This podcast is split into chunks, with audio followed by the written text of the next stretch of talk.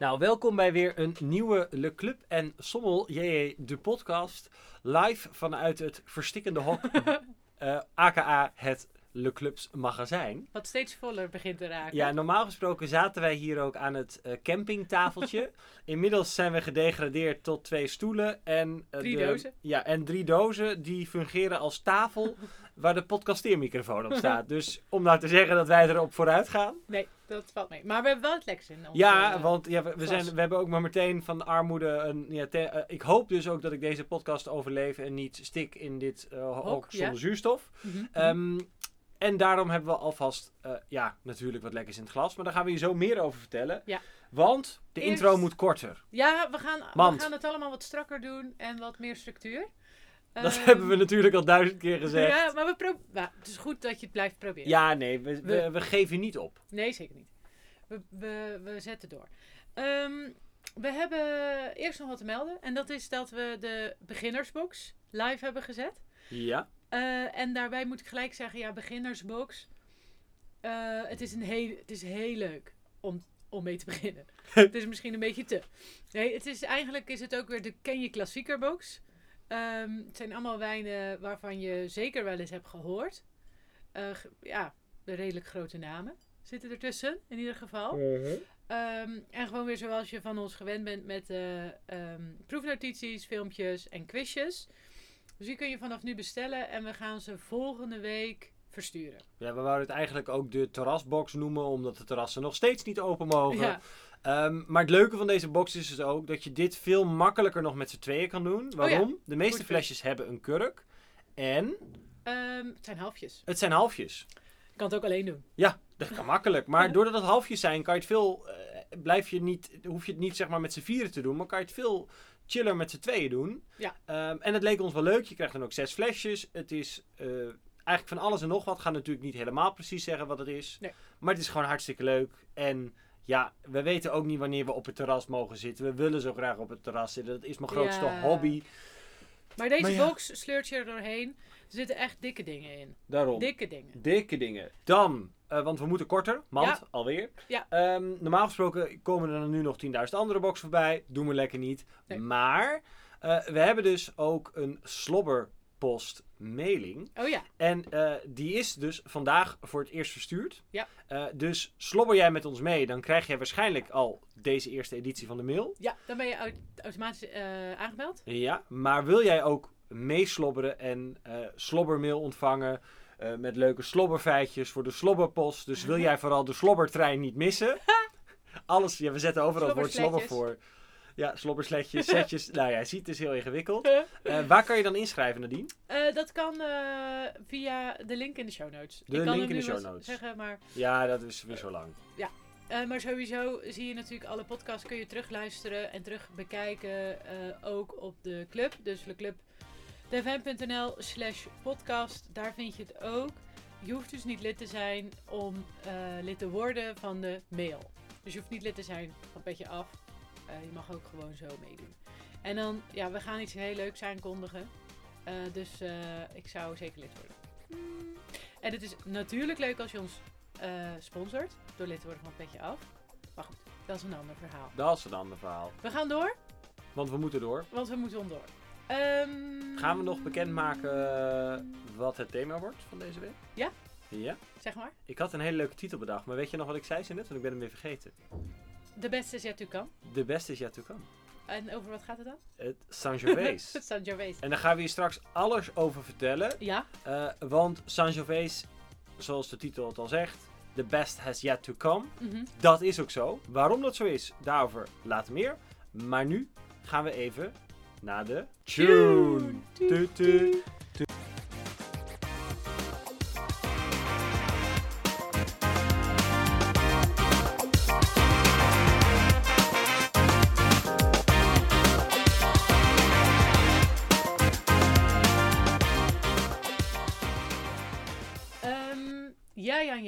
want Sangiovese is het thema van deze podcast. Ja. Maar Sangiovese is ook het thema van Slobberpost. Woehoe! En we hebben natuurlijk twee wijnen eh, gestuurd naar de leden. Dat was Ja, Morellino di Scanzano. Scanzano. En eh, Brunello di Montalcino. Ja, dus het waren weer niet de minste. Na eh, ja, eigenlijk de eerste editie van Slobberpost, eh, waar we een geweldige Etna hadden. We zitten een beetje op de Italiaanse slobberterrein, hè? Ja, maar Ja. goed. Straks is Summers hier en dan gaan we weer wat anders doen. Daarom. Maar dit waren ook echt allebei niet de minste. Nee. Ehm, want ja, hè? Het is wel Slobberpost. Ja, Ehm, maar ja, laten we maar eens eh, bij het begin beginnen met de proefnotitie van de Morellino di Scanzano. Morellino. Eh, nee, Morinello. Morinello. ja, maar dat Morellino klinkt gezelliger. Maar ehm, ja, we hebben de proefnotitie ook al behandeld in de Clubhouse. Want we dachten van, eh, het leek ons, iedereen is zo hip met die Clubhouse bezig. Ja, wij konden natuurlijk ook niet de slobberterrein missen. Ehm, dus we hadden afgelopen zondag ook onze eerste Clubhouse gedaan. Nou, er waren zowaar ook gewoon luisteraars bij aanwezig. Dus dat was superleuk. Ehm, en het leek ons ook wel een heel tof idee om eh, dit in het vervolg ook te doen. Eh, dus als jullie dan ook vragen hebben over ehm, ja, de slobberpost als het ware, dan zijn we ook in de gelegenheid om die zeg maar een beetje real life te beantwoorden. En eh, dat was eigenlijk super tof. En we hebben het een half uurtje gedaan. En daarna zijn we aangehaakt op de clubhouse van eh Esmee Langerijs en eh, Wine Spice Girl Ja, over Eh, Instagram. over Instagram. Dus dat was sowieso ook wel een interessant topic. En ehm, ja, dat, dat is ons eigenlijk wel goed bevallen. Eh, en we merkten ook al dat terwijl we de Clubhouse deden, eh, dat het alweer een beetje een podcast begon te worden. Eh, hysterisch, chaotisch en nul structuur. Dus vandaar ook dat we nu hysterisch, chaotisch, maar wel met structuur zijn. Ja, Ehm, en dat brengt dus, dus ook eh, bij het feit of ik het goed heb uitgesproken. Morellino. Morellino. ik Dus- heb het wel goed Ja, ik uitgesproken, was hè? helemaal fout. Nee, ja, ze is, is zo boos op mij af en toe. Nou, nee. En dan krijg ik weer straf. Maar het is dus Morellino di Scanzano. En eh, we gaan hem even bespreken, want niet iedereen was natuurlijk aanwezig eh, bij de Clubhouse. Ja. Ehm, en in de podcast wordt dit natuurlijk besproken. Ja. Dus, ehm, we hebben in ons glas een licht robijnrode kleur. Eh, medium plus intensiteit. Ja? K- eh, wat kersen, eh, frambozen. ja, een beetje dat rijpe rode fruit. Tijm. Jij zegt altijd balsamico. Balsamico? Ja. En een beetje ceder en wat koffietonen. In de smaak, droog natuurlijk, medium plus zuren, medium tannines. Want dus, ja, dat is eh, wel een beetje de sandy texture, Mhm. een beetje zandig. Ja. Ehm, medium plus body, hoog alcohol, het zat op 14,5. Medium plus smaak en ehm, ja, medium, medium plus afdronk. Wij vonden hem heel goed en een heel fijn glas. Het is en echt... lekker bij eh, pizza. Ja, en verrassend is dan ook, eh, al tillen wij er natuurlijk niet heel erg zwaar aan, want wij vonden dit al een tof glas. Maar Hamersma zag ik ook, die had hem ook een 9 gegeven. Wow. En ja, we hebben natuurlijk al eens een podcast gedaan met Hamersma, waarin blijkt dat een 7 plus is drinkbaar. Eh, dan is een 9 natuurlijk Lekker. wel gewoon echt erg fijn. Ja. Eh, ja, en nu dan is hij nu, nu een tientje, normaal 12 nog iets. Ja. Dus dat is ook wel, eh, ja, ja. dat is in de aanbieding. Rennen! Bonus, nee, maar het is wel gewoon, ehm, het, het is gewoon echt voor een tientje heb je gewoon heel veel Sangiovese voor je geld. Nou, en gewoon een ultieme wijn bij pizza en pasta met tomaatsaus. Ja, ja want Tomaatsaus is je leven bij ook wel, dat ging nog in de clubhouse ging het een beetje over wijn-spijs. Want eh was een hele goede vraag van is Sangiovese nou echt eh, bijvoorbeeld een eetwijn? Moet je Mm. daar iets bij eten? En ehm, ik moet ook wel weer zeggen dat ik ben ook een beetje aan het bijdraaien op Sangiovese. Ik, ik had dus ook een Sangiovese sommelier problem. Ja. Eh, maar daar gaan we straks nog even verder op, eh, over uitweiden. En ehm, ik ben aan het bijdraaien. Ja, maar het is gewoon een geweldig... Ik vind Sangiovese echt de meetbals. Ja? Het is echt goed. Alleen je moet even goed zoeken naar eh, goede producenten. Want dat is het wel. Het kan ook heel veel beuk en bulk zijn. Zoals jij dat noemt. Beuk en bulk. Beuk en bulk. Ehm, wat wil ik zeggen? Oh ja, dit is dus van Gaccio Forte. Zal ik ongetwijfeld weer verkeerd uitspreken. Maar ik doe mijn best. En ehm, deze, dat is eigenlijk van dezelfde familie als eh, Castello Romitorio. Wat eh, het huis is van de Brunello di Montalcino. Wat een leuk bruggetje. Ja, dat dacht ik. Want we moeten door. Dus eh, laten we deze bespreken. Toevallig zit deze in ons glas. Ja, we hadden ja. nog één slokje over. Want we hadden de laatste fles die dan voor onszelf was. Eh, Opgeofferd. opgeofferd om nog even naar aanleiding van de, de Clubhouse gewoon nog wat setjes te versturen aan nieuwe leden. We hebben nu 105 leden. Ja, dus het- we zitten alweer, we, ja, we zitten aan de max. ja. Over de tax, op de max. Want nu hebben we zelf niks meer. Nee, dus het is elke keer, eh, dus, dus dat laatste slokje wat er nog over was, dat hebben we gewoon, eh maar ja, voor onszelf. Ja. Ja, je moet toch nou, en door. genieten. Ja, en terecht. En terecht. Eh, de kleur. Jean-Jacques. medium robijnrood. Maar het kan zeg maar zijn dat ik het niet zo... Granaat. Ja, dat heeft toch met het TLX te maken. Dat zien de mensen niet. Ik zou zeggen granaat. 10 tinten TL. Ehm, medium plus aroma intensiteit. Ja, mag ook hoog. Mag ook hoog. Want dit is zeg maar, eh, zoals ik hem zondag ook beschreef, dit is, tikt alle boxjes aan Mm. zeg maar qua aroma's. Je begint primair met kersen, pruim. ehm, dan gaan we naar secundair. eh, krijg je natuurlijk vanille, een beetje eikenhout. Ceder. ceder. Nou, dan tertiair, dan krijgen we leer, eh, ingedroogde pruimen, een beetje ja, vijg hadden we misschien al, maar ja, een beetje vijgen. ook wel balsamico en tijm, wat Ja, dus van mij en, altijd een ehm, giveaway is. Maar ook, oh ja, dat, Laurier een beetje kruidnagel. Always here. Ehm, hij geeft echt wel wat complexiteit en is super interessant glas. Geniet ik. En wat ik trouwens ook heel erg tof vond, is dat eigenlijk volgens mij iedereen waarvan wij een proefnotitie kregen, of een comment op Instagram, of een DM of wat dan ook. Iedereen was er eigenlijk een soort van wel unaniem over eens Ja, dat, dat dit een superklapper dat dit superklappen Ja. was. En dat vind, ik, leuk. dat vind ik echt een dik compliment voor iedereen. Want ook al had je het compleet mis, en dat ga ik nogmaals zeggen, dat maakt helemaal niet uit. Je hebt de kwaliteit gewoon Je hebt de kwaliteit op waarde geschat. En druifraden is niet het allerbelangrijkste wat het is. Het is een wijn op waarde kunnen schatten. En iedereen proefde gewoon echt dat dit gewoon een hele goede wijn was. En dat vond ik gewoon... Dat is gewoon ontzettend knap. Dus dat is een dikke pluim voor iedereen. Ja. En, en dat had ik in mijn filmpje natuurlijk een beetje belerend gezegd. Iedereen moet ook... Want we doen het een beetje in WZ-stijl. Dus je moet de vraag goed lezen. Oh ja. Ja, want soms kwam het ook uit twee landen. Ja. Dat Ja. kan dus niet. Nee, en we hadden dat er natuurlijk wel allemaal netjes bijgetikt. Dus ik had even een streng momentje. Ja, nee, Even maar ja, een, als je eh, dit op je examen doet, dat is gewoon eh Ja, zonde. Het is altijd zoals Sibylle zei van onze WZ4-opleiding. Je, je moet goed lezen. Ja, goed lezen. Goed amai, lezen, Amaya. Als, als, en dan zegt ze ook, al, je- zo dom hè, dan lezen mensen. zo dom. Alleen zeg je zo dom. Nee, dus Ehm, je moet goed lezen.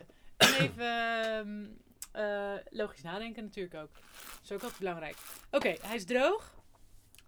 Hoge tannines. Hij is op bij mij. Hoge tannines. ja, ik vind nu medium plus. Ja, het is al wat zachter, maar ja, die fles is Ja. even open. Ja, dat is ook Dus ik vind, als iemand medium plus heeft, of hoog, vind ik beide goed. Zuren? Medium plus? Medium plus. Ik twijfel tussen medium plus en high, maar ik vind medium plus vind ik een prima compromis. Mm. Hoog alcohol, Ja, sowieso. volle body. Sowieso. Mm, eh, aroma-intensiteit, smaakintensiteit. Pronounced. Ja, hoog. Ehm, lange afdronk, dus deze is amazeballs. Woehoe! We checken alle boxjes, het is uitstekend. En ja, het is natuurlijk nog heel jong. En dus het mooie is ook wel, 2016 was gewoon een Een topjaar. maestrojaar. Dus dat is echt, en ehm, bij heel veel winkels is hij dus ook, dat, dat zei ik ook in het filmpje, is dus ook op halfjes. Ja. Ehm, en dat is echt bizar, want zo'n halfje is dus 20 piek, maar een hele fles is 50. dus koop je twee halfjes, krijg je 10 euro korting. En die is al een soort van eerder op droom. Ja, Omdat dus, het- dus dat is alleen maar mooi, makkelijk en omdat zo'n ideaal. halfje sneller rijpt. Dus, Dus, ja. ehm, dus da- dat is je sowieso stel uit je winst. Maar 2016 topjaar, gewoon echt Brunello. eh, en dat vind ik zo knap bij Castello di Romitorio, is dat het, eh, zoals ik al vaak heb gezegd, een grote wijn is jong, Ook al goed. Ook al goed. En dat, dit is gewoon nu al heel erg goed, maar wordt nog beter. Ja. Maar als je hem eh, zeg maar nu al zou willen drinken en je wil een fles kopen, nou, dan zou je dus ook een halfje kunnen kopen, want die is wat eerder op dronk, omdat het kleiner eh, flesjes en sneller rijpt. Of eh, ja, decanteer hem. Ja. Schenk Gooi het even in de karaf. Ja. Dit en, is wel gebaat met lucht. Dat merken wij nu ook, Ja. nu het echt wel weer een tijdje later is. mhm. Het, het is wel gewoon beter geworden door gewoon de hele middag even te staan. Ja. Die, met name die tanninestructuur is lichter. Ook, Ja. Wil je een deuntje inzetten? ja, Nadine is dus We helemaal... moeten naar het hoofdthema. We moeten naar het hoofdthema. Ja, dat is dus helemaal nieuw. We hebben dus een bel. En de bel die gaat af en toe. En dan moeten we door. En dan moet ik stoppen met praten. Want wij luisteren af en toe ook andere podcasts. En Nadine had heel veel zin in een geluidje. Maar ze mocht geen instrument van mij kopen. Hadden we ook nog geen budget voor. Ja, en welk... Nou, misschien is dat een leuke vraag. Welk instrument zou hierbij passen? Zeg maar, ik kan bijvoorbeeld ook een triangel. Dat je af en toe zo'n ding, ding, ding. We moeten door. Of gewoon een belletje. Ja, ik had gewoon bedacht. Gewoon zo'n ploppende fles. Alleen dan moeten we elke podcast een fles ploppen. Dat is geen slim idee. Dat is, ja, niet erg op zich. Alleen dat is niet... eh, het is misschien niet hard We genoeg. kunnen ook halfjes doen. Wil iemand eh 52 halfjes Ja, sponsoren Elke week. elke week? Nee, we gaan door naar het hoofdthema. Sangiovese. Sangiovese. The best has yet to come. Yes. En eh, jij had al eh, het een en ander opgezocht over de geschiedenis. Ja, want ik ehm, ehm, heb dan eh, het boek, vooral als we dan zeg maar een grape series maken. Dat hebben we natuurlijk al eens gedaan, ook met Semillon onder andere. Ja. Heb je het boek van Grapes and Wines. Van Os Clark. van Os Clark. En dat is echt gewoon een super fijn boek. In combinatie, in dit geval ook met Decanter en nou ja, dat andere encyclopedia boek. Ehm, is het wel heel erg fijn. Het wordt ook heel begrijpelijk geschreven. Ja. Ehm, maar Sangiovese eh in a nutshell. Eh, de ouders van Sangiovese eh qua druiven, dat zijn, en dan mag je mij ook verbeteren op mijn uitspraak, Mhm. Calabrese di Montenuevo Mhm. en Silegiglo. Mm. Eh, de eerste documentatie van Sangiovese... Gi- nee, geen gigolo. nou ja, dan wel. Dat is wel makkelijk. Dat is wel makkelijk te onthouden. Ja? Ehm, de eerste documentatie over Sangiovese is eigenlijk gevonden eh, zo rond 1600. Oh. Dus Is het is best bijzonder van the best has yet to come. Maar het is wel heel oud. Eh, dus het gaat al, eh, al een tijdje terug. Ehm, het leuke is, en dat wist jij natuurlijk weer meteen, maar moest ik weer opzoeken. Sangiovese betekent het bloed van Jupiter. Ja, Dat vond ik heel leuk. Ehm, is het. En waarom, dat is ook leuk, heeft ook te maken met de geschiedenis. Waarom noemen we Sangiovese niet in één adem met druiven zoals Cabernet Sauvignon, Merlot, Pinot Noir en Shiraz, terwijl het daar wel vaak mee vergeleken wordt? Ja. Nou ja, er is ook heel veel beuk en bulk in de Sangiovese. Ja. Ik denk dat dat een heel belangrijk punt is. Nou, en dat heeft dus ook weer ehm, te maken, om daar weer even een leuk bruggetje eh, naartoe te verzinnen, ehm, is dat Chianti vroeger onder andere ook geblend moest worden. Dat moest, Ja. kon je niet omheen, met eh, Malvasia, Trebbiano of Cagnolo, als ik het goed uitspreek. Met Eh, witte druiven dus. Met witte druiven. Eh, dus oftewel een ratje toe van van alles en nog wat. Mhm. Nou ga je nog een tijdje verder terug. Dan mocht Sangiovese ook, of mocht Chianti ook geblend worden met, met druiven die ze gewoon uit Puglia haalden en uit andere streken in Italië. Mhm. En dan kreeg je dus dat hele jammige. Eh, en eigenlijk zijn ze pas te laat erachter gekomen wat het potentieel van Sangiovese was. Als de regelgeving anders was geweest, had Sangiovese misschien wel dus in één adem genoemd kunnen worden Ja. met Pinot Noir eh, en eh, Cabernet Sauvignon, Shiraz, Nebbiolo. met, met Nebbiolo, met zeg maar al die andere druiven die eh, in ieder geval internationaal eh, breed zijn doorgekomen. Want Ja. Sangiovese kan best op een hoop plekken ook in de rest van de wereld groeien. Ja, maar er zeggen toch wel heel veel mensen dat de grootste potentie in Toscane ligt. En dan daarvan weer dat hij echt zich op zijn allerbest voelt in de, de Montalcino. Maar dan zeg maar echt wat, wat de, de oudste plekken van Montalcino. Ja. En eh, weet je wat ook nog eh, leuk is om daarop aan te haken? Nou, Um, the, Sanjo- the Sangiovese of Tuscany has always been one of the world's gr- great red varieties, but for some reason best known to themselves. Zeg maar, de, Tos de Toscanen weten het wel. Ehm, maar ja, door, de, door wat jij zegt, en het is natuurlijk ook die overmatige extractie. Nou, slechte blends, wat je net zei. Eh, later was het natuurlijk ook nog met heel veel ook internationale druivenrassen, wat ook weer niet helemaal per se de beste, het beste idee is. Ehm, en ook veel nieuw hout. ja. Ehm, wat, wat ze natuurlijk allemaal hebben gedaan. En allemaal technieken hebben gebruikt die eigenlijk de ware aard van Sangiovese verdoezelen. ja. En de laatste jaren, de laatste tien jaar of zo, is dat weer een beetje. ehm, zijn, zijn ze daarop teruggekomen en maken ze wat, wat puurdere stijlen. Ja, en dat is dus ook wel grappig, want hè, wat jij ook zegt, eigenlijk wordt Sangiovese pas sinds zo'n 30 jaar plus, plus minus 30 jaar meer serieus genomen. En ehm, die laatste 10 jaar is dat dus echt met rassenschreden vooruit gegaan. Mhm. Ehm, maar dat heeft dus ook onder andere te maken, is dat had jij tien jaar geleden, tenminste dat is wat de boeken allemaal zeggen, had jij, en de boeken zijn soms ook wat ouder, dus zeg misschien 15 jaar geleden, gevraagd van, goh, welke kloon Sangiovese gebruik jij? Wat bijvoorbeeld in de Bourgogne best normaal is met een Dijon-kloon of hè, andere klonen. Ehm, dan hadden ze je echt met van die Italiaanse ogen aangekeken van, nou, je hebt een hele mooie jurk aan, maar voor de rest geen idee waar je het over hebt. Mhm. Uh, en om daar even op terug te komen, dan denken jullie klonen, waar heeft hij het over?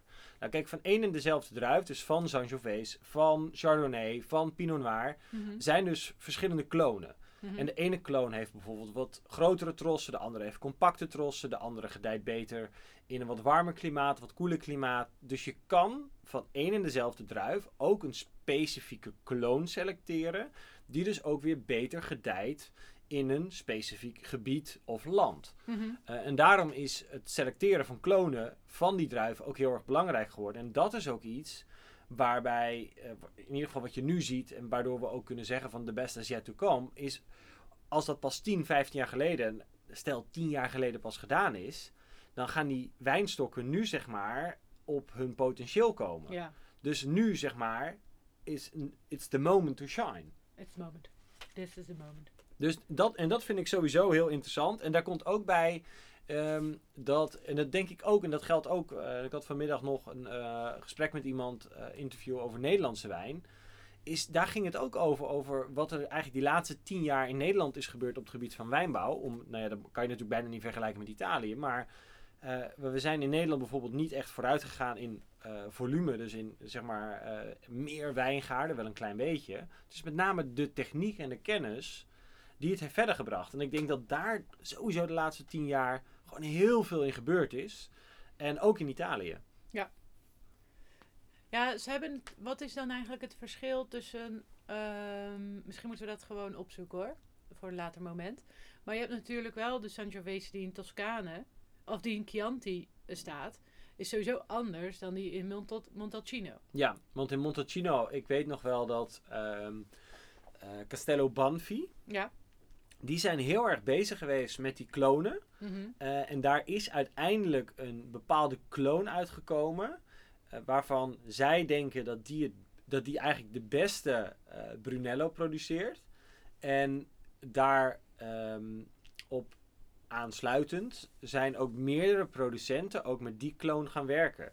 Met name door de kenniskunde. En Oh ja. volgens mij zit er ook een, eh, er zit sowieso een Amerikaan achter met veel geld. Banvia. Ja, Zeker. dus er zit gewoon weer veel te veel geld achter. Maar daar is heel veel research naar gedaan.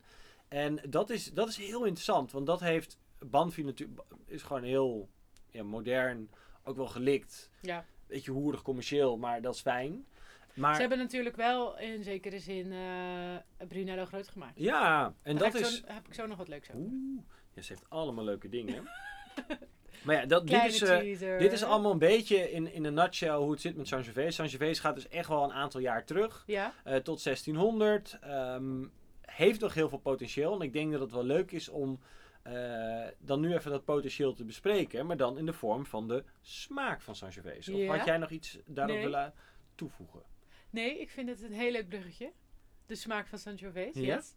Ehm, want dat komt natuurlijk nu ook meer naar voren. Doordat ze al die technieken eh, eigenlijk eh, niet meer gebruiken. Of tenminste dat overmatige extractie. Of oh ja, als je een flinke dosis nieuw hout tegenaan gooit. Dan proef je natuurlijk niks meer van onze delicate Sangiovese.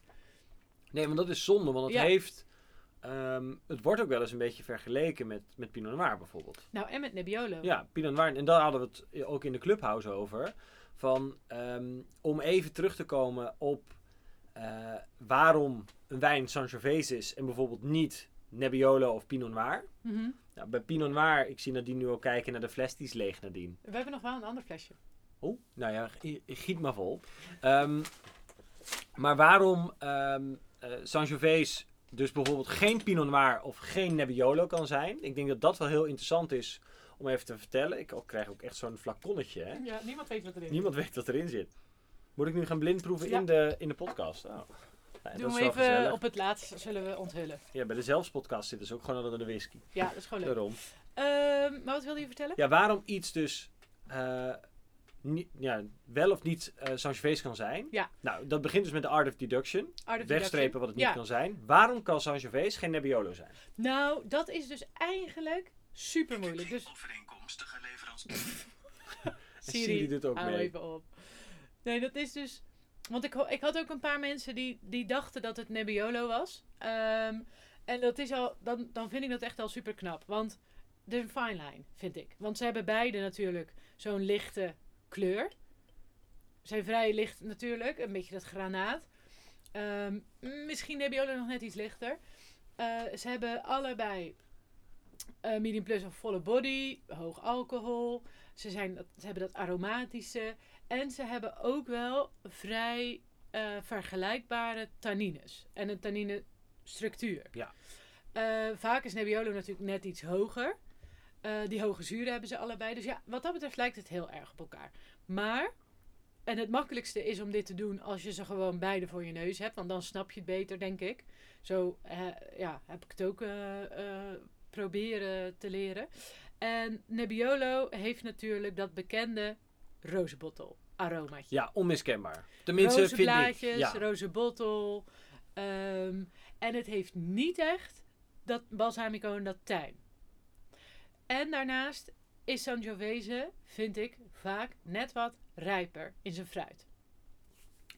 Ehm, nou, dan heb ik ook Beyond Flavor. Je weet, mijn favoriete boek over smaak. Er nog eens even bij gepakt. En Nick Jackson, de auteur, die, die zegt ook van... eh Sangiovese heeft vaak dat dusty character. Beetje stoffig. Ehm, dus ja, ik vind dat moeilijker. Want ik associeer dat misschien ook wel een beetje met dat ceder en zo. Eh, maar goed, misschien werkt het voor jou wel. Maar wat het beste is om dit zeg maar zelf even te ervaren, is koop een Nebbiolo, koop een Sangiovese. En dat hoeft echt niet eh, een Barolo en een Brunello te zijn. Ehm kan ook gewoon Lange en Chianti of zo zijn. En dan kijk of je dat er een beetje zo uithaalt wat we net hebben verteld. Dat, eh, dat zou goed zijn. En dat het anders is als Pinot Noir, is denk ik logischer. Je kan het deels al zien aan de kleur. Ik vind Pinot Noir nog net ietsje roder. Ja, is wat meer robijn rood. Wat maar meer robijn rood. ouder En, zijn. en ook het aroma. Pinot Noir heeft echt meteen gewoon kers en echt het primaire, Ja. voornamelijk rood. Heel klein beetje zwart kan het hebben.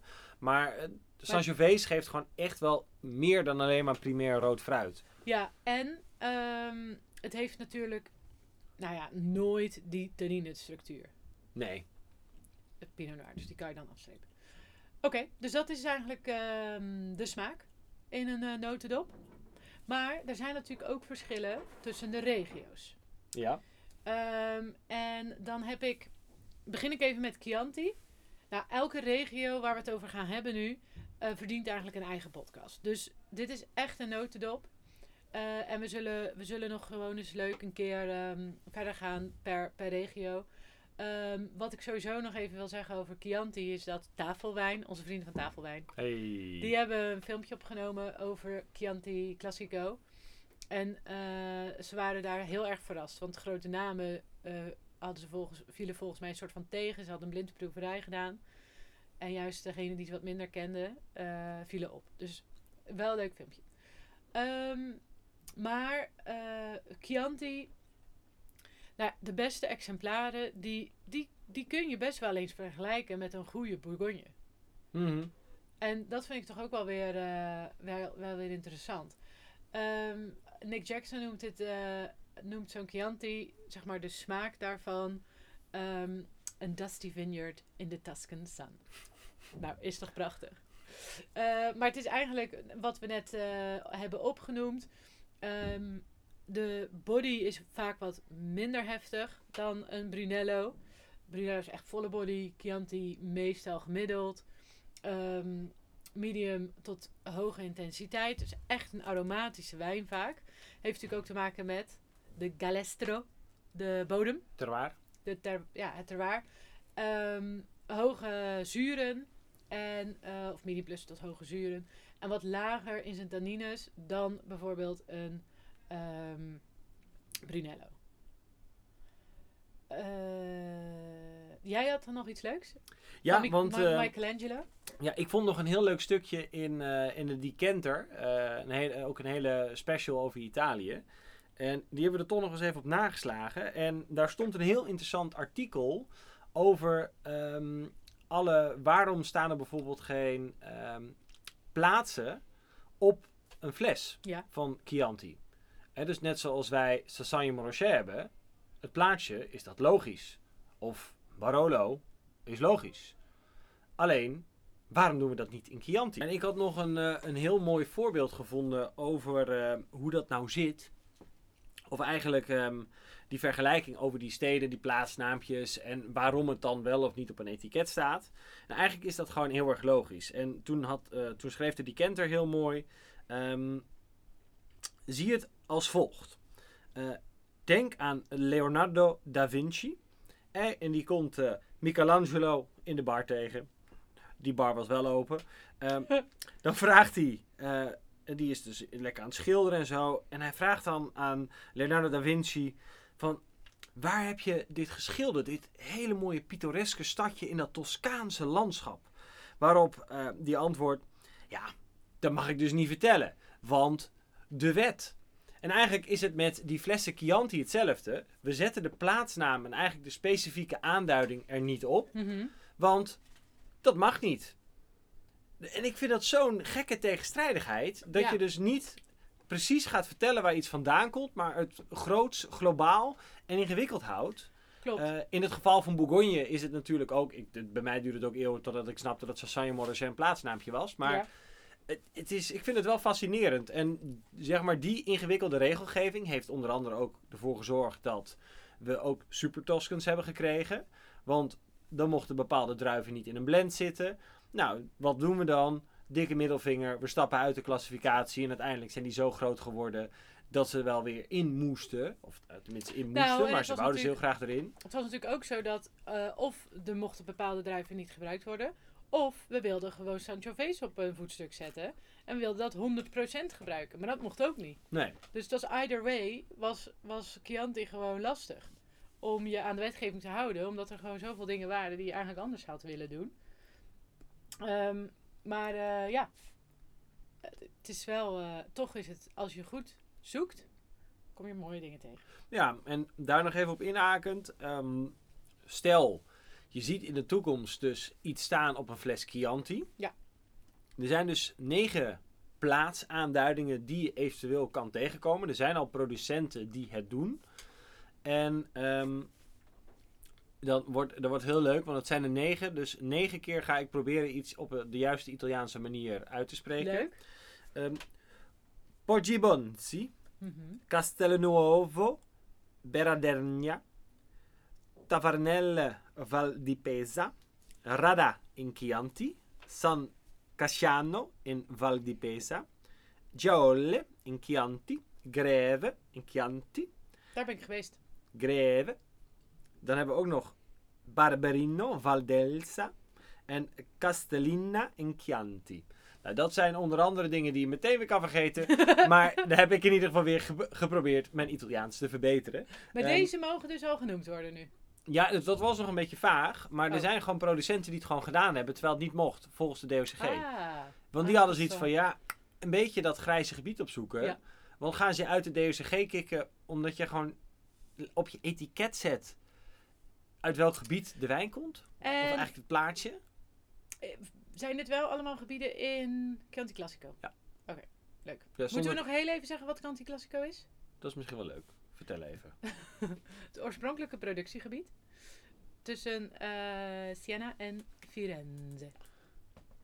Dus dat is zeg maar de Galestro-bodems en de beste wijngaarden eh, van het gebied eigenlijk. En nou ja, omdat het dus zo populair werd, eh, is het steeds ehm, groter geworden. En dat is dus eigenlijk eh, Chianti. Nou, ik, ben, ik heb een mini-roadtripje gemaakt door de Toscane. En serieus, overal waar ik keek, waren zeg maar Chianti wijngaarden. Mhm. Dat, is, dat is een veel groter gebied en ook gewoon veel vlaktes en niet eh, echt oninteressante wijnen.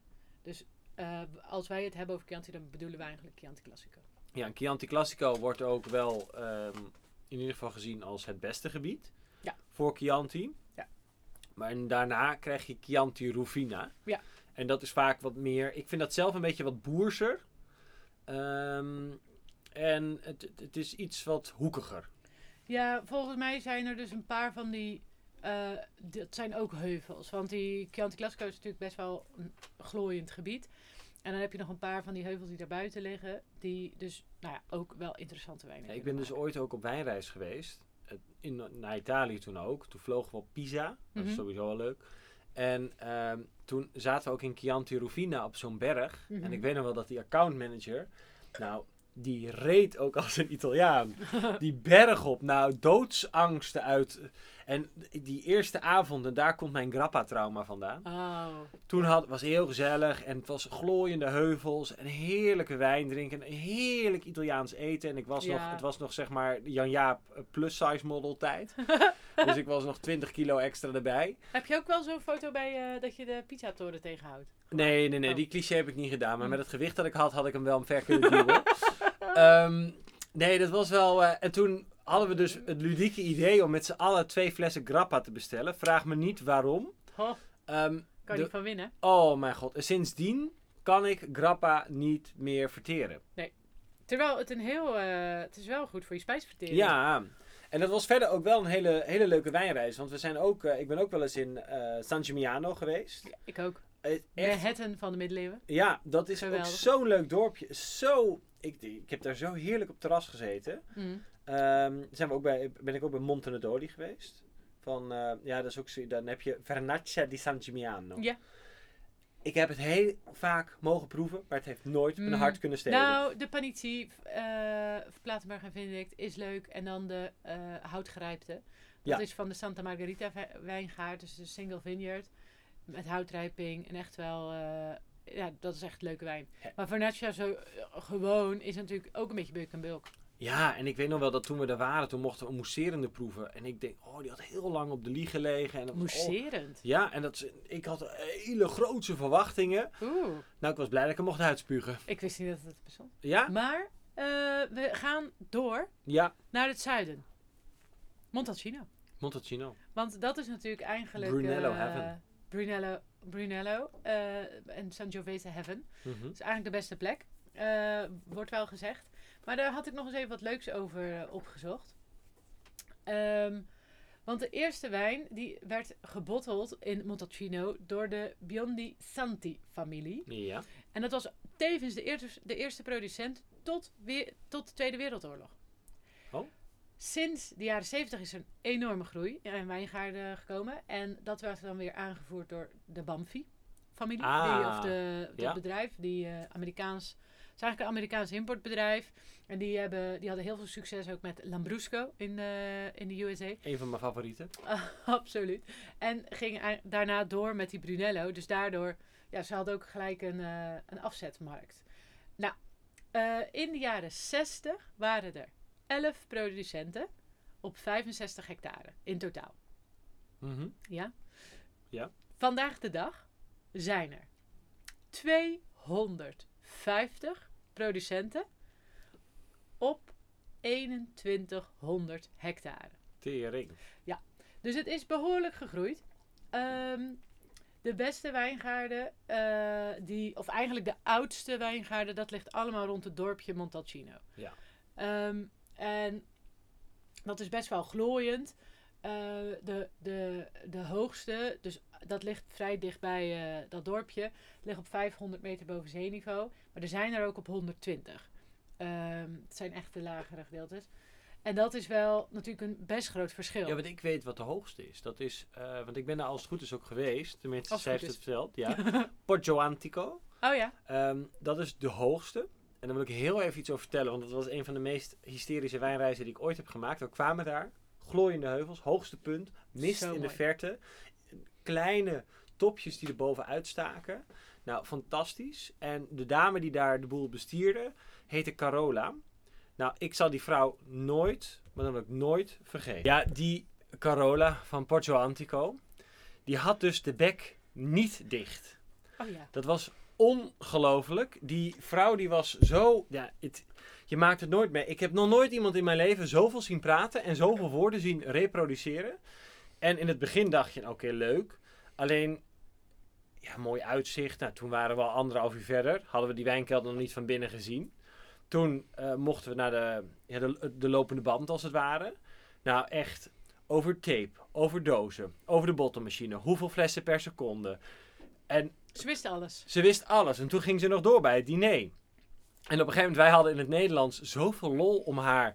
Omdat ze gewoon... En dan ging ze gewoon interrupteren. En dan moest ze in één keer weer iets vertellen. En nou, ik heb echt... Nou, die, de- het is me ook... Die vrouw is me echt... Ik heb er denk ik nog steeds nachtmerries over dat ik dit nog kan reproduceren.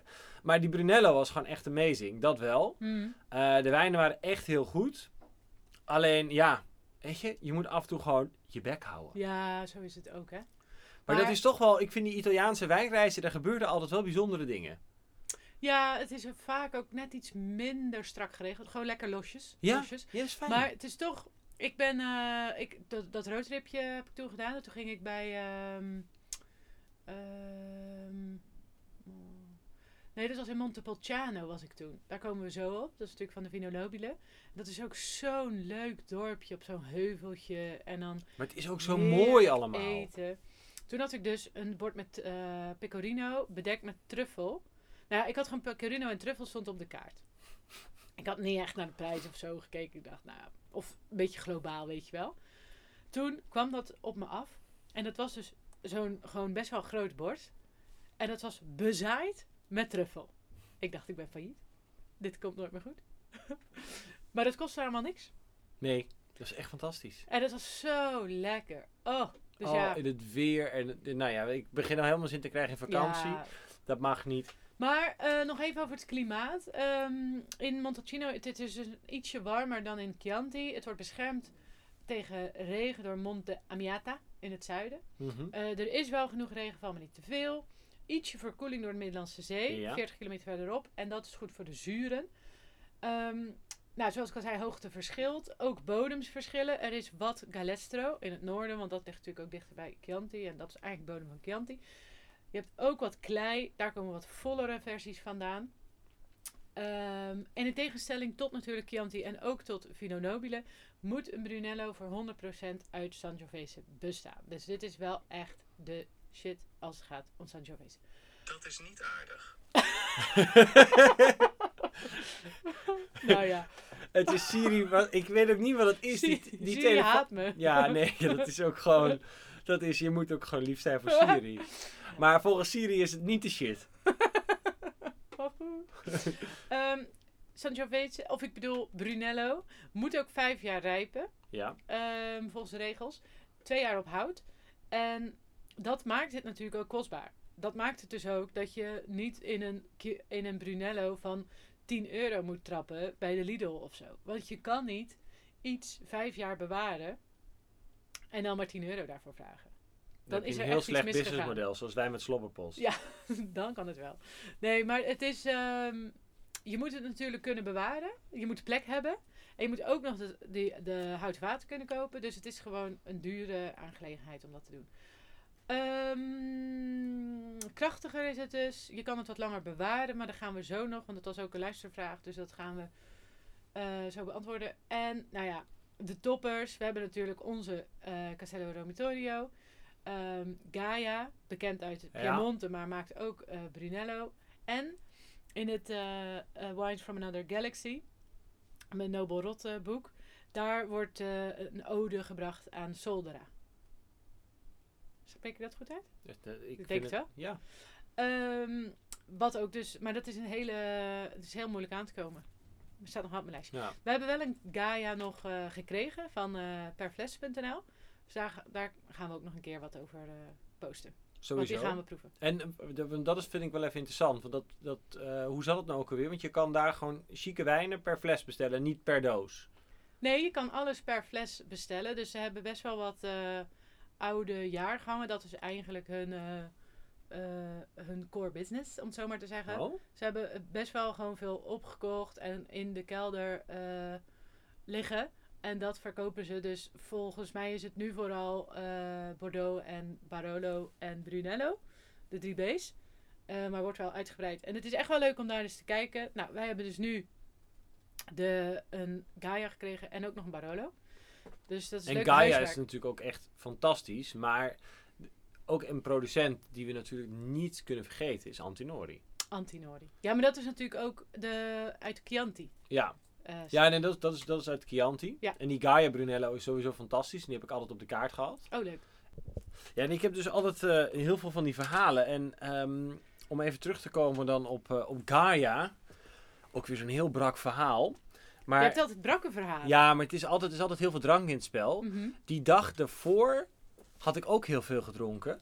Nou, dat, en toen moest ik heel brak, en Nadine begint meteen weer wijn in te schenken, ehm, naar die Gaia-tasting. Want ehm, Angelo heet hij volgens mij. Of tenminste, ik weet niet, ik weet, die zoon. Uh-huh. En die was, ehm, die was naar eh, Nederland afgereisd en was bij eh, La Viorita in Amsterdam. Mhm. En er was zo'n lunch, en nog Barbaresco uit 1999 geklapt, dus dat was wel, was wel echt leuk. Mm, En dat was Ik weet dat nog. ja, en ik was zo. En, die, en toen s'avonds ben ik nog doorgegaan Ja. naar die. Bram. Naar Bram. En die had. ehm, God, hoe heet het ook alweer? Niet eh Ornalaya. Oh ja. Dus van Gaia naar Ornalaya. Nou, het, is, het waren zeg maar alle Italiaanse klappers. Gewoon in, in, in een dag. Mooi. Ik kon niet meer. Ik was helemaal kapot. Leuk wel hoor. Ja, maar dat is wel. ehm, Nou, we moeten dus ook eigenlijk nog een podcast doen over Bulgari. ja, Nou, en als ik dan toch heel even mag uitweiden, dat mag wel toch? ja, ja, we Want ik zitten heb nog op dus de die- tijd. Variccione in, Ros in Rosso. Of zoiets. Maar dat is dus, die heb ik dus bij Ornelaya gekocht, want ik mocht daar op bezoek. Oh, ja, dat heb je In mijn verteld, ja. En zij maakte dus ook een, ja volgens mij is dat dus met Sangiovese ook ehm, een, een soort van gewoon een soort gebbetje van de wijnmaker. Van ik ga ook nog dit maken, maar dat gaan we verder niet verkopen, alleen maar hier op, eh, op het domein. Oh, en wat was dat dan?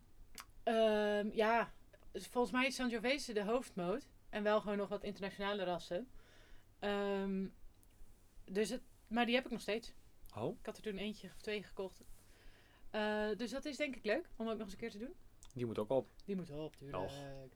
Maar ja, dus Bulgari gaan we ook nog een keer doen. Eh, nou, dan hebben we denk ik zo Montalcino ook in een notendop behandeld. Ja, eigenlijk heel kort samengevat en niet afdwalend op alle dronken verhalen over Italië. Ehm Montalcino eh, en ook de Rosso di Montalcino, wat trouwens vaak ook gewoon echt een dikke kooptip is. Want dat is best wel vaak eh, prijs-kwaliteit vind ik daar wel echt Ja, goed van. Ook die van uh, Romitorio is Ja. heel leuk. Dus dat is sowieso echt een, een dikke aanrader. Ehm, alleen Expressie, 100% Sangiovese, Ja. eh, is Brunello. Ook omdat het eh, ja, bij wet moet. Eh, bij de regelgeving. Het is geconcentreerder. Je weet sowieso twee jaar eikenhout. Al dan niet wat grotere eikenhouten voeders. Er wordt ook wel veel mee gewerkt. Anders is het weer te dik. Mhm. Ehm, maar je weet gewoon wat je krijgt. Ja. En natuurlijk, er zijn ook slechte Brunello producenten. Die heb je met alles. Ja, nou, die heb je zeker. Want het is natuurlijk zo snel gegroeid. Dus je moet wel echt even zoeken. Het is niet dat eh, alles goed is. Ehm, omdat het gewoon in rap tempo is gegroeid. En ja, er zijn ook wel bijzondere verhalen over, eh, over Brunello. Maar daar gaan we het gewoon hebben, over hebben nog eens een keer in een, eh, in een verdiepingspodcast. Ja. Verdiepingskast. Want we moeten namelijk ook nog een mm, kleine drie kwartier rijden naar Montepulciano. Montepulciano. Dat ligt daar dus ongeveer eh, naast. Ehm, wat an- dan leuk is, is even stoppen in Pienza. Pienza. Een heel leuk stadje. Oh. Tikkeltje toeristisch, maar ook maar niet zo toeristisch als Siena. Heel leuk eten kan je daar oh, genieten. Ik zou er zo graag mee naartoe willen. Ehm, maar Ik wil in op een, vakantie. ja, in een mini notendop is eh Montepulciano, dus Vino Nobile, eigenlijk een, wat ik eh, in veel boeken lees ook. En ja, ik neem dat maar even over, want ik drink het niet zo vaak. eh, en dan ook niet zeg maar dat ik het zo goed kan vergelijken, alle drie. Maar is Montepulciano de rustieke kruising tussen Chianti en Brunello. Het heeft, ehm, ja, het heeft vaak wat rustiekere tannines. En het mist eigenlijk wel een beetje de, arom de aromatische intensiteit van Chianti. ook weer een beetje de power van Brunello. Eh, en nou ja, Een in-betweener. een in-betweener en misschien nog het meest geschikt voor alledaags. Voor de pizza. Maar een Vino Nobile is ook altijd wel aan de, aan de prijs. Ja, maar ik zou dan toch liever, als ik zelf mijn geld uitgeef, het aan een Brunello geven. Een goede producent dan, hè. En tuurlijk zijn er natuurlijk ook uitzonderingen in, Monte, in Montepulciano. Dat zijn ook goede producenten natuurlijk, maar... Ik heb liever dan denk ik een goede Chianti of een goede Maar Brunello. en dat, dat is ook wel grappig, want ik had laatst ook nog, ehm, en het is niet weer een heel uitgebreid verhaal hoor, maar maak je geen zorgen. Maar toen dacht ik in één keer, en ik wist het wel, maar toen had ik in één keer ook van, ja maar Montepulciano is toch ook Montepulciano druif, maar dan heb je weer Vino Nobile di Montepulciano, wat weer Sangiovese is. Mhm. Dus weer even ingewikkeld. Mm. Dus Montepulciano, ook een druif, Mhm. ook een plaatje, Ja. maar ook Sangiovese. En dan praten we dus over Vino Nobile di Montepulciano. Nou, en het is ook eigenlijk gewoon ehm, leer Italiaans in 10 seconden. Vino Nobile, de nobele wijn, de Montepulciano, uit Montepulciano. Montepulciano d'Abruzzo. Montepulciano, uit D'Abruzzo. Abruzzo. Hey, Kind kan er wassen. het is, het is gewoon makkelijk. Italian, Intel, in... Italië voor dummies. Dankjewel. Eh, dan had jij nog S- Super Tuscans? Ja, nou ja, kijk, het is altijd wel even... eh, we hebben natuurlijk ook Super Tuscans. En ehm, dat kan op basis van eh, Bordeaux blends. Eh, Ja. Die hebben we ook allemaal wel eens een keer gedronken. Mhm. Ehm, maar je kan ook Sangiovese Bordeaux blends. Dus de hoofdmoot Sangiovese, 80%. Ja. Aangevuld met Bordeaux. Ja. En een eh, heel bekend voorbeeld daarvan is Tianello. En Tianello is 80% Sangiovese, aangevuld met wat Cabernet Sauvignon ehm, en Cabernet Franc. Ja. Ik kan eh, de specifieke verhouding kan ik je even niet geven, want dat verschilt natuurlijk weer per jaargang. Ja, daarom. En die heb ik ook nog in mijn klimaatkastje. Ja, en dat is sowieso leuk, want jij durft het nooit uit te spreken, want dan is het weer... Tignanello. Tignanello? Ja. Ja, dankjewel. Ehm, maar dat is, dat, kijk, je hebt altijd wat grote namen. En wat ook wel een leuke eh, kooptip is, eh, en toevallig zag ik van de week een allocatie ervan, is Isole e Olena Ciapparello. En dat is dan ook weer 100% Sangiovese. Ja, en dat is dan ook weer leuk, als ik daar nog even wat over mag zeggen. Dat mag. Want Tignanello is natuurlijk een IGT Toscane. Ja. Daar begon het vin, eh, Vino de Tavola. Ja. Eh, dus tafelwijn. Op nu krijgt hij upgrade wel. En nu valt het natuurlijk gewoon onder de DOCG. Want het mag. Je mag die druivenras gebruiken. En hetzelfde geldt voor die Separello. Ehm, ook die mag je, mocht eerst niet. Want je mocht, je moest natuurlijk die witte druiven gebruiken en dergelijke. Maar nu 100% Sangiovese mag gewoon. Maar ze zeggen van ja, mij niet bellen. Wij zijn nu al zo bekend met onze namen. Wij hoeven heel die klassificatie niet meer. Ja, en dat is dus zo mooi. Maar dat maakt het natuurlijk ook ingewikkeld. Want nu is Ja. er uiteindelijk de regelgeving die ervoor zorgt dat ze wel tot de, eh, de DOCG kunnen toetreden. Of Ja. de DOC. Alleen nu doen ze het weer niet, omdat ze zich er weer te goed te voor voelen. Ja. Dus daarom is ook, eh, ja, het, het wordt niet makkelijker mensen. Het wordt ingewikkelder, Ja. maar het is gewoon heel veel weten. Maar het is wel leuk. En vooral die leuk. Italianen en bureaucratie en gewoon lekker dwars. Ik vind Ja. het toch altijd wel, ik vind het wel iets hebben. Ik ook. Ja. Ik hou ervan. Nou, dan had ik nog een, eh, een klein eh, grafiekje voordat jij straks je bruggenknop mag indrukken. Ehm, namelijk Sangiovese in cijfers. Want we hebben bewust gekozen om eh Sangiovese, maar dan ook echt, tenzij jij zo nog iets anders aan te merken hebt, maar om Sangiovese uit eh, Italië eh, te behandelen. Waarom? Nou, Sangiovese in cijfers. Welkom bij de cijferrubriek. Ja. Ehm, nee, Italië heeft de meeste aanplant van Sangiovese ter wereld. Nou, dat is Mhm. logisch. Mhm. Ehm 143.000 hectare. Dat is waar- meer dan bijvoorbeeld Duitsland aan wijngaarden heeft. Ja, überhaupt. überhaupt. En de helft van die 143.000 hectare, dat komt dan ook nog eens uit Toscane. Mm. Nou, waarom hebben wij het niet over de rest van de wereld gehad? Omdat, ehm, als je het, even, het, het grafiekje heb ik dus uit het boek eh, Grape and Wines gehaald. Kan natuurlijk een beetje gedateerd zijn, maar gaan we niet vanuit. Ehm, de rest van de wereld heeft een schamele 4.500 tot 5.000 hectare. Dus we kunnen het natuurlijk hebben over Argentinië, ehm, Californië, Australië en eh, Frans Corsica. Alleen ja, met zo weinig eh, hectare en eigenlijk Ja, zo weinig noemenswaardige ehm, eh, kwaliteit. Omdat Mm. Toscane wel echt wordt gezien als De plek. de plek. Daar komt Sangiovese vandaan. Ja. En ze doen natuurlijk hun best ook in het buitenland. Ehm, en daar is het bijvoorbeeld wel interessant. Kleine voetnoot, bijvoorbeeld eh, Australië heel droog. Sangiovese is best wel een druif die daar goed... Ja, Maar het is ook weer niet de makkelijkste druif. maar er heeft ook een van die eh, producenten, ik weet even niet meer welke, die heeft het in Californië geprobeerd. Maar die kwam daar toch weer op terug. Die dacht, ik ga wel weer terug naar Italië. Ja, dat ging gewoon niet. Nee, dus, dus uiteindelijk... ehm, ja, het is Moet, een... moet je gewoon naar Toscane. Het is een druif met heel veel potentieel. Ja. Eh, maar dat potentieel laat hij voornamelijk zien in Italië. Ja. En misschien ook, eh, waar we de, de podcast mee begonnen. Ehm, dat ligt hem natuurlijk ook aan het feit is dat we nu pas beginnen te begrijpen waar die het beste gedijt, hoe die het beste gedijt en welke klonen en weet je, welke technologie we daarbij moeten gebruiken. Mhm. Kijk, als we dat allemaal een stuk eerder hadden geweten, hadden we ook kunnen zeggen, ja, maar je moet die kloon daar neerzetten in Californië, want zus en zo. Ja, En waar je dan ook nog eens tegenaan loopt, is dat ehm, het fijne van nou, Brunello is hoger in de alcohol. Je zei ook tikkie warm, toch? Of tikkie Ja, ja. Ja, nee, het is warmer. is tikkie warmer. Alleen ehm Sangiovese Toscane kan ook prima 12,5 tot 13 procent zijn. In alcohol. Ja, maar meestal meer. Meestal wel meer, maar Ja. Californië is meteen bam. Nee, want die, eh, die ik ook al 14,5. De Brunello. Ja, ja, ja, ja, daarom. Dus dat is nog even kort in, in cijfers en waarom wij dus ook eh, de rest van de wereld niet hebben behandeld. En uh, druk er maar in. Welkom bij de Boekenhoek. Wil eh Jan Jaap. zich melden bij de balie. ik vind het echt leuk. Oké, nou, ehm, we gaan dus ook weer eh, de boekenhoek terug, eh, terughalen. En als we geen boek hebben, want het is ook wel, gebeurt ook wel eens, dan doen we een leuk ehm, eh, artikel uit Decanter of uit de perswijn. Of wat we dan ook tegenkomen. Dus dat er altijd nog een educatief randje zit. Maar ja, voor deze podcast hebben we vet veel boeken geraadpleegd. Eh, jij zei het al, Os Clark, Wine and Grapes. Ja, Toch? Ja. En daarnaast eh, nou, is natuurlijk Beyond Flavor weer voorbij gekomen. Mijn favoriete boek.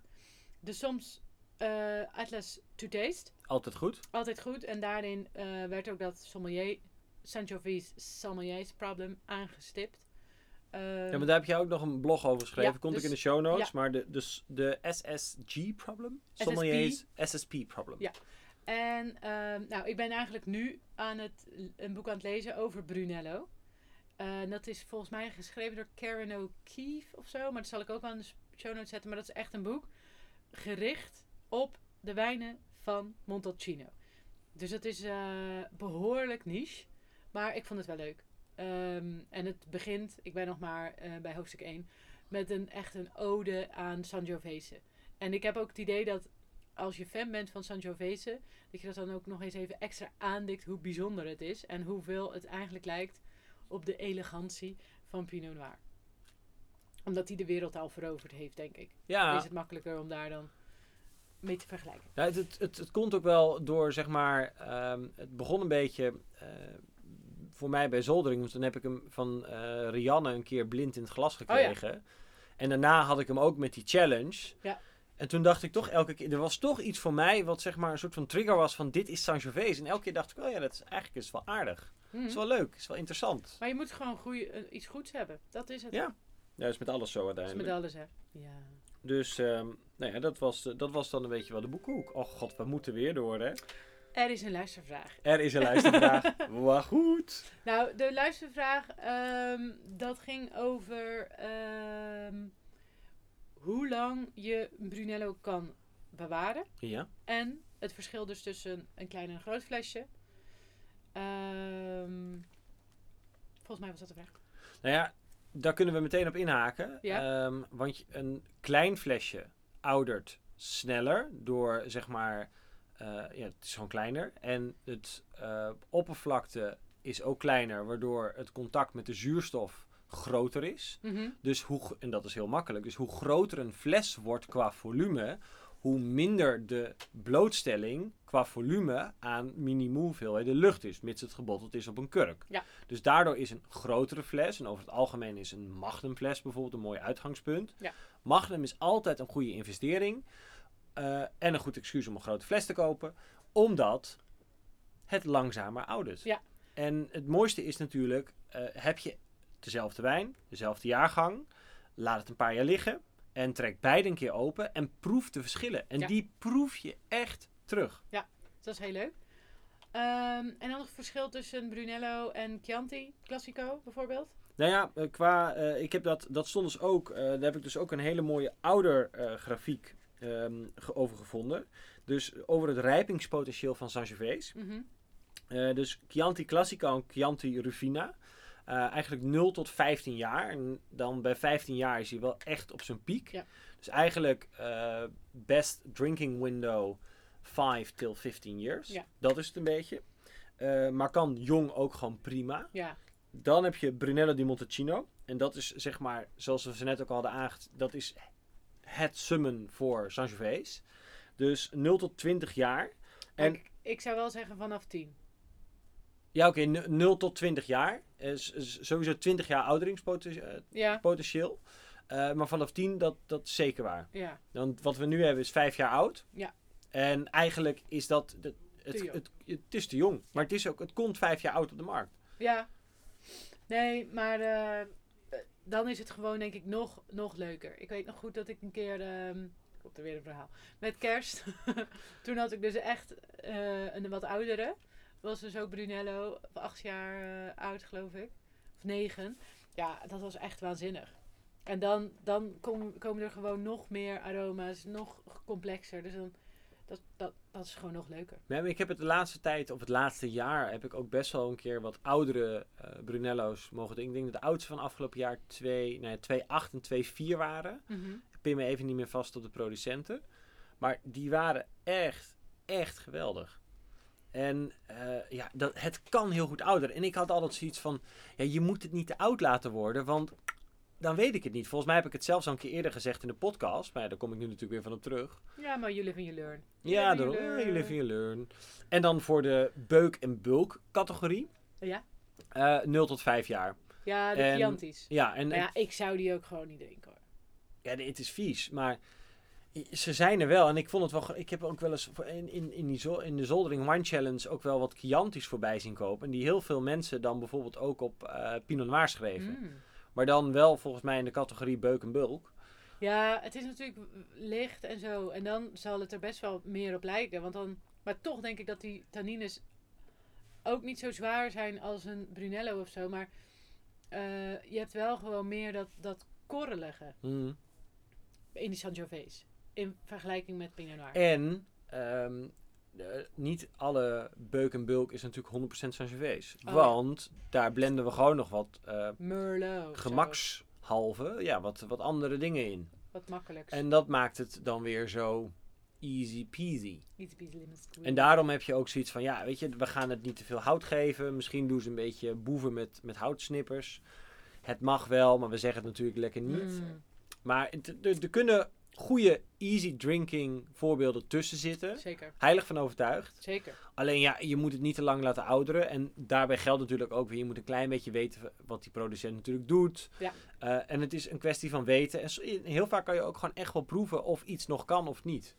Dat is ook zeg maar, heeft iets jong alleen maar primair fruit. Merk je dat er geen houtlagering is en de zuren bijvoorbeeld medium zijn, dan weet je, die zuren, daarmee gaat hij het niet redden. Dat fruit, dat gaat straks klappen. Ja, En dat en gaat dan zich... hou je niks meer over. Nee, en dan hou je niks meer over.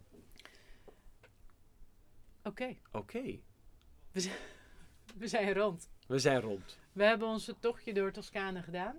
We hebben Sangiovese eh, behandeld. We gaan eh, nog meerdere podcasts maken over de specifieke regio's. Als je zelf een leuk idee hebt voor een podcast, laat het ons dan ook vooral weten. Ja, het kan zomaar zijn dat we in 2025 daarmee Nog een bezig gaan. tijd hebben Ja. ervoor. Ehm, nou, ik vond het wel, eh, ik vond het toch leuk. Sangiovese, eh, make Sangiovese great again. Ja, uiteindelijk wel. Ja. Nou ja, uiteindelijk, the best has yet to come. En de beste. We hoeven het niet groot te maken, want het is al groot. Oh ja, goed, goed punt. maar het komt nog. ja, ja, ja. En ja, die Italianen zelf, die weten het al. Daarom. Ik hoop dat ik er eh, snel weer naartoe kan. Ja, het is daar echt zo fantastisch. Ehm, nou ja, heb je natuurlijk eh, van de podcast genoten? Eh, laat het ons vooral even weten in de comments. Ook als je denkt van, wat was het weer een chaotische bedoeling. Ja. Ook of leuk. je het eens bent met Nadine haar laatste nieuwe piepje. Dus Oh ja. bel, ja. Dus dat is natuurlijk... eh, Ah, ik zou het zo erg vinden als, ik dat weer, als dat weer sneuvelt. ja, nee. nee, ik, denk, ik denk wel dat hij het haalt. Het is Nou, wel makkelijk. Het is gewoon leuk als een soort van overbrugging. Ja. Nee, ik, ik vind het ook wel even wat meer muziek. Dus Nou, dat is helemaal prima. Ehm, dus gewoon laat even comments achter. En sowieso die, de, de luistervragen. Ik vind dat wel heel erg leuk. Ook krijg je nu een comment. Ze is weer helemaal het lachen. We hebben eh, een recensie. Ik dacht, ik kijk nog even in de Apple Podcast Oh app. god, hebben we een 1? Nee, nou.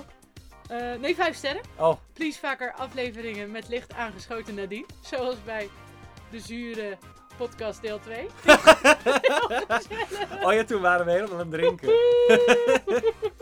Nou ja, dat is een hele mooie oproep. Ook aan alle leveranciers. Wil je Nadine nog zatter hebben? Stuur alsjeblieft meer flessen af. Want het is de gezelligste, Ja. zatste, meest aangeschoten podcast van Nederland. Ja, maar ja, toen konden we. Want toen hadden we, zeg, toen hadden we natuurlijk de moutonavond. Ja, die kurk had. Dus dat was ook Ja, niet oké, leuk. maar ja. goed, toen was er niet. eh, kijk, nu moet jij weer rijden, of dan moet ik weer rijden. Ja, en ik, ben, ik kijk rijk als het uit dat de deur weer open. Dan kan ik weer ademhalen. Ja, dat is ook zo. We gaan een keer een foto van het podcast online Ja, maar zetten. dan moet je misschien nog iets meer. Dat heb je nog een paar weken nodig. nou, iedereen weer super bedankt voor Bedankt. het luisteren. Laat je comments achter. Wij gaan proosten. En tot de volgende. Joe.